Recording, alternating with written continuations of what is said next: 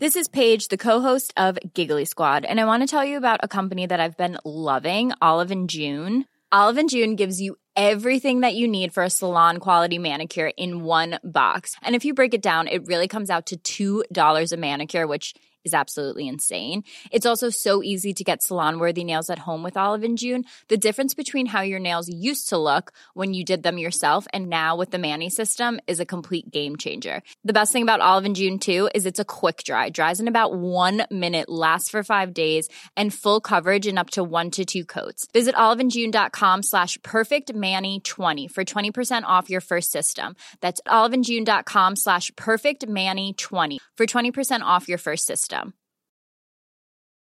One size fits all seemed like a good idea for clothes Nice dress. Uh, it's a it's a t-shirt. until you tried it on. Same goes for your healthcare. That's why United Healthcare offers a variety of flexible, budget friendly coverage for medical, vision, dental, and more. So, whether you're between jobs, coming off a parent's plan, or even missed open enrollment, you can find the plan that fits you best. Find out more about United Healthcare coverage at uh1.com. That's uh1.com.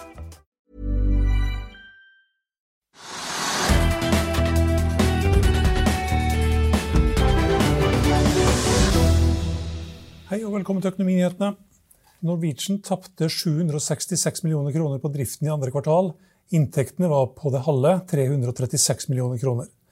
Etter finanskostnader og restruktureringsgevinster på 3,6 millioner kroner som ikke har noe med driften å gjøre, endte resultatet i andre kvartal på knappe 2,8 milliarder kroner. I første halvår tapte Norwegian 2,2 milliarder kroner på driften. Etter 3,8 milliarder gevinster fra restruktureringen endte halvåret da opp med et overskudd på knappe 1,6 milliarder kroner. Inntektene var på 591 millioner kroner. Kontantstrømmen fra driften var på minus 421 millioner kroner, og selskapet gikk ut av halvåret med og kontanter og tilsvarende likvider på omtrent 7,5 milliard og en egenkapital på 1,5 milliarder kroner. Eh, John Fredriksen er eh, største aksjonær gjennom Geveron Trading med en eierandel på 19% i selskapet. Quantafuel la også fram kvartalstall i dag. Oppjusterer kostnadsestimatene ved Skive, anlegget som da skal gjøre om plass til eh, olje. Og kostnadene ble økt med omtrent 30 millioner kroner til 610 millioner kroner. Det gjenstår fremdeles litt før stabil drift, og selskapet har tidligere sagt at det skal skje i løpet av fjerde kvartal. Det kom ikke noen nye opplysninger om det i dag. Selskapet tapte 9,1 millioner kroner i andre kvartal, mot 94 millioner kroner i samme kvartal i fjor. Over 20 selskaper har lagt fram kvartalstall i dag, og det finner du alt om på finansavisen.no. Vi tar en liten titt på utviklingen på Oslo Børs, og hovedindeksen den er eh, ned en halv prosent. Eh, Og så har vi noen eh, selskaper på vinner- og taperlisten. På øverst på taperlisten har vi PCI Biotech, som faller 21,8% til 20,50 kroner og 50 øre. La fram kvartalstallet i dag. De eh, sier at covid har ført til forsinkelser, og i tillegg så kan det oppstå kontantproblemer, altså likviditetsproblemer. Da tenker noen at eh, det kan komme en emisjon, og det bidrar da til at investorene sender aksjen ned over 20% GNP Energy, som er eh, Norges fjerde største strømleverandør, la også fram tall i dag. Økte topplinjen med 50 millioner kroner, positivt. Men så forsvant også tilsvarende beløp på bunnlinjen. Og selskapet kom ut av halvåret med et underskudd, et lite underskudd, eh, på ja, Resultat for skatt var på 1,8 millioner kroner, ned fra 52,9 millioner kroner. Eller så kan vi ta med at på vinnerlisten så har vi Swipe, som er opp 21,3% Det er også et biometriselskap som eh, da utvikler teknologi for bruk i betalingskort, identitetskort osv. Og den aksjen den har fått seg et eh, skikkelig løft etter at det ble kjent i går kveld at en stor svensk eiendomsinvestor og utvikler, milliardæren Erik Selin, har kjøpt aksjer i selskapet, eller i hvert fall investert, for 104 millioner kroner. Selskapet som sagt, fokuserer på utvikling og kommersialisering av løsninger for biometrisk autentisering av, ja, gjennom, gjennom eksempelvis betalingskort. Vi kan også ta med at Bård Drilling er høyt på vinnerlisten. Stiger over 14% nå. De har også, også lagt fram tall i morgentimen i dag. Ordreboken den økte med 4,7 milliarder kroner så langt i 2021. Og nå ventes det at det kommer fire nye rigger i arbeid om litt. Kjellinger Røkkes Aker Clean Hydrogen faller også etter at DNV Markets har nedjustert sitt kursmål fra 19 til 11 kroner.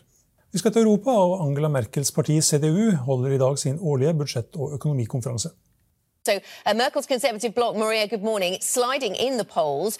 Will they be able to convince German voters about their economic credentials today? Well, Anna, that's what they're hoping, and that is really the card that they're clinging onto. You know, is the CDU saying we are the party that works for the middle class, we're the party that works for the German industry, and we want to continue this success story for the German economy going into the future. The problem that they have, however, is that while they say we won't increase taxes, we're also going to cap the corporate tax. They're going up against the finance minister, Olaf Scholz, who to some extent has taken the credit for the stimulus when it comes to Corona. He's also been the lead of the furlough scheme, which worked really well in Germany. And he was also the man who went to the flooding site and said, we're going to spend, it doesn't matter how much, but we're going to rebuild the areas that were badly hit. And this is the same region in which Armin Laschet at the same time was caught giggling and laughing around. And that's continued to haunt him. So that's really a competitor that's very hard uh, to run up against. And if you look at polls, again, it does cement that lead that we've seen from the SPD. The one that we got yesterday uh, showed the SPD, Olaf Scholz, and the Social Democrats now up five points over the CDU. So it, this is now a competition that's not just tight, but it's clearly signaling that this is a firm lead for the SPD now. Maria, if we do see a CDU led coalition. It is still a big if, it seems. Uh, what will that mean for German fiscal policy? Well, look, what they say is that this will be your traditional orthodox center right uh, agenda. This is about putting fiscal policy and the debt and deficit back on track to cut down uh, that no new debt. The debt brake will still be something that features uh, highly. But the problem here, Tom, of course, is that if you don't increase taxes, you also say that you want to modernize the economy and that you're not taking on new debt. Essentially, you're betting that you have to grow very fast and very quickly in order to make up for that gap. The other issue, of course, is that the CDU says we don't want to take uh, new debt because we want to be responsible for the future generations. But if you look at polls, and this is where it gets very interesting, the young Germans will tell you we do want to spend if that means modernizing the economy, going greener, and also going more digital. Ja, skal teknisk analyse av Aker Solutions. Før det skal vi ta med at vi har noen aksjer på all time high og all time low. 2020 Bulkers var all time high i går, korrigerer litt ned i dag. Eh, ellers på all time high-listen vår så har vi Athea, som er opp 3,5% Bevi er opp, Bonør, Carasent, Crayon, Havgroup, Mediesteam, Multiconsult, Olav Thons eiendom, ny all time high. Eh, Protektor forsikring opp 4,9 eh, til 99 kroner. Da er det vel én krone igjen til den avgåtte sjefen kan ta gevinst. Tomra også opp 3% til 538 eh, kroner og 60 øre. På all time low-listen vår så har vi Havila Kystruten, som er ned 7% MPC Energy Solutions ned 1,8% og Norse Atlantic ned 7 Oljeprisen er forresten ned 2 til rett i underkant av 72 dollar. Vi skal videre til eh, USA, og John Paulson ble kjent etter å ha tjent en formue på The Big Short i eiendomsmarkedet før finanskrisen i 2007. Men hvor han ville investert 100 000 dollar nå, vil kanskje overraske noen. Og kanskje vel så viktig, hva ville han ikke investert i? John Paulson made Wall Street's most lucrative trade of all time. One of our investors called me and he said, uh, John, I just got the monthly results. I think there was a mistake. It was no mistake. Paulson's bet on the collapse of subprime mortgages in 2007 earned his firm $15 billion, the largest one year payout in the history of financial markets. It's kind of like finding a, a, needle in a haystack. Paulson's 2007 performance rocketed him to the ranks of superstar managers. At its peak, his firm managed $38 billion, making it one of the largest hedge funds in the world. It opened up a lot of doors and became very interested in terms of the people that I met. Paulson has yet to repeat the success that made his fortune. Recently, he joined a list of industry legends to quit the hedge fund business, converting his fund into a family office. Personally, I never really liked the, the business side of the business. I did like the investing side. He's also enjoyed giving away his fortune. He pledged $400 million to Harvard University and donated $100 million to the Central Park Conservancy. I wanted to give back to the, uh, the institutions generally that were important to me. If somebody came to you and said, John, I just got $100,000, what should I do with 100,000? What would you tell well, them? Well, I always say the best investment for an individual, an average individual, is to buy their own home. So uh, if you took that 100,000, put 10% down, get a 900,000 mortgage or whatever, you can buy a home for a million dollars. And you it's just reported that home prices were up 20% in the last month. So if you bought a home for a million dollars with a hundred thousand down. The home was up 20%. That's 200,000. On a hundred thousand investment, you'd be up 200%. And over time, essentially that's what's going to happen. The longer you wait, the more the house is going to appreciate and the greater return you'll have on your equity investment. So I think the single best invest, investment for anyone with that type of money would be to buy their own house or apartment. What do you think, uh, for example, you would tell people not to invest in? Is there something you'd say, do not ever invest in X, Y, or Z? Well, now I'll have a lot of people that disagree with this, but I, I would think, you know, you shouldn't invest in cryptocurrencies. Ultimately, I think cryptocurrencies, regardless of where they're trading today, whether they go up from here or down, will eventually prove to be worthless. So there is no value to them. It's just a question of supply and demand. And once the exuberance wears off or liquidity dries up, these will go to zero. So I, I wouldn't recommend anyone invest in think cryptocurrencies. Of all, of all, the things you've said in this interview, I think that's probably going to get the most attention from people. Probably, we'll see. Possibly, yeah.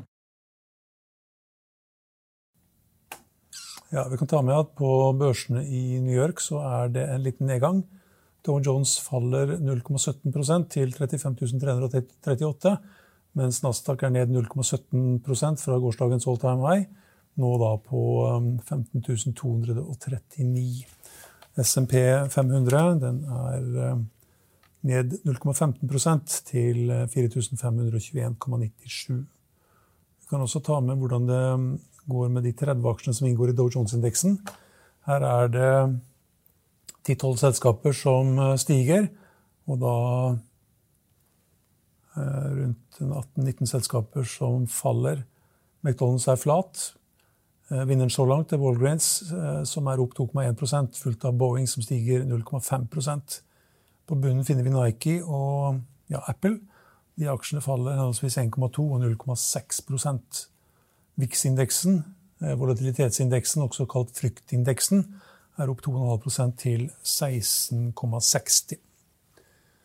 I Finansavisen i morgen kan du lese Trygve Egners leder om at det er blodrødt på Stortinget mindre enn to uker før valget kan lese om krakket i biotekselskapet og om sjømatselskapet som skal øke eksporten med 2,5 milliard kroner. Husk også at du kan høre våre børsintervjuer og gjestekommentarer på finansavisen.no slash podkast. Big Short-legenden som vi hørte fra, eller fikk se nå nettopp, John Paulsen, han forteller her selv om den største traden på Wall Street. Vi er tilbake igjen i morgen klokken 15.30. Følg med oss igjen da. John, you made one of the most famous investments in Wall Street history. Um, over a period of time, you put a short on, in effect, to make it simple, on the mortgage market around 2007 or so. And that trade, it is reported, made roughly $20 billion or so for you and your investors. Uh, nobody has reported anything more profitable than that, than that in the Wall Street, I'd say, last couple decades or so in one trade. Um, did you have any doubt that that trade was going to work? Well, we were we were pretty convinced uh, that uh, the mortgage market segments of the mortgage market were overvalued and were likely to implode. So we took a uh, a very concentrated position in these securities, and what we expected to happen happened.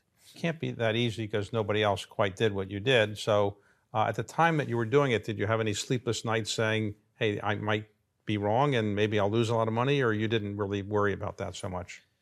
Well, again, you know, it was structured where the downside was very limited. I think the reason why other people didn't hadn't done it is because there had never been, according to Moody's and S&P, a default of an investment grade mortgage-backed securities. Mortgage-backed securities were viewed as the safest securities uh, next to treasuries. And that was essentially true up until that point. What they missed was the, the underwriting quality had never been as poor of securities that had been in that period. So the fact that they hadn't defaulted in the past had, had nothing to do with whether or not the securities that were being issued would default in the future. The idea for doing this was this something that came to you one day when just reading the newspapers or watching Bloomberg on TV, or or did somebody who worked for you come with this idea? Where did the idea come from? I developed a specialty, which very few people do, in shorting credit. The difficulty in, in shorting credit is you have to get a borrow. They're generally illiquid, so you can never get size.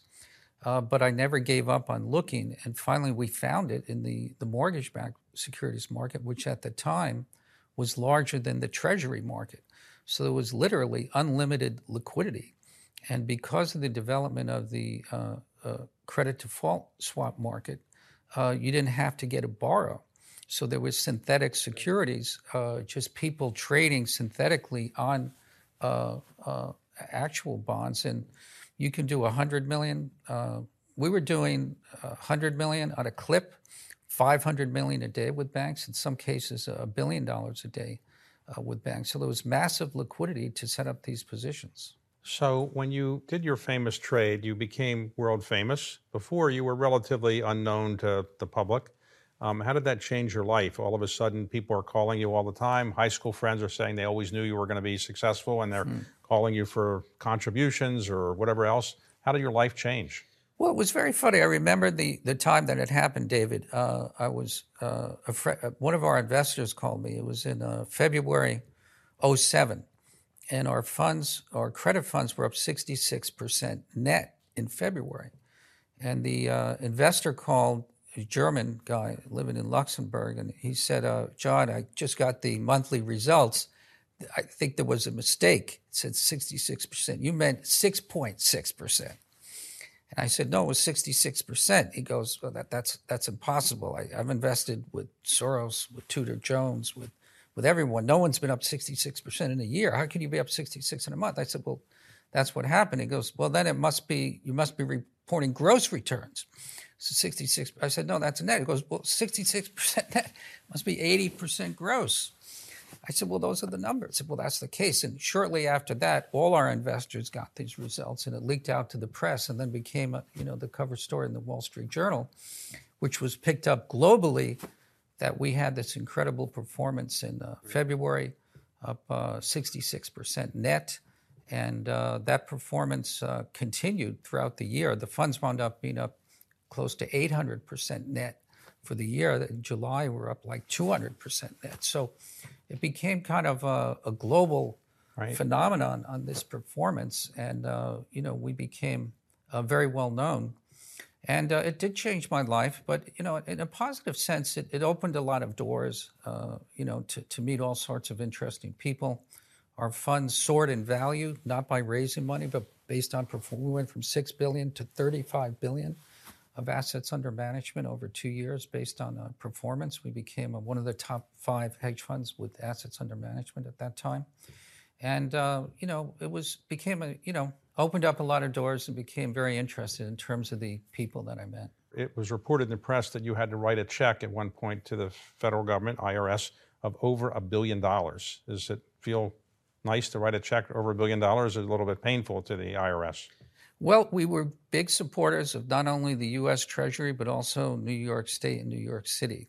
So we, uh, you know, we paid, you know, a fair amount of taxes. So you don't have in your office anywhere a check that says a billion plus the U.S. government? You don't keep that check? Yeah, I don't keep the check, but I do keep the tax returns, both the uh, state tax returns and the federal returns.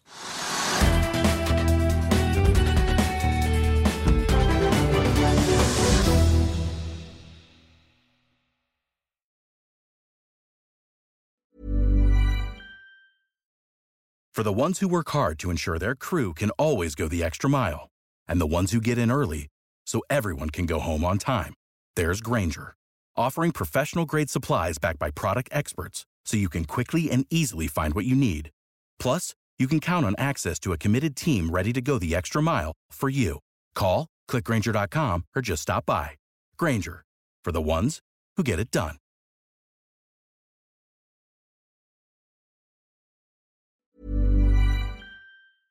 Økonominyhetene er en podkast fra Finansavisen. Programledere er Marius Lorentzen, Stein Ove Haugen og Benedikte Storm Bamvik. Produsenter er Lars Brenden Skram og Bashar Johar. Og ansvarlig redaktør er Trygve Hegnar.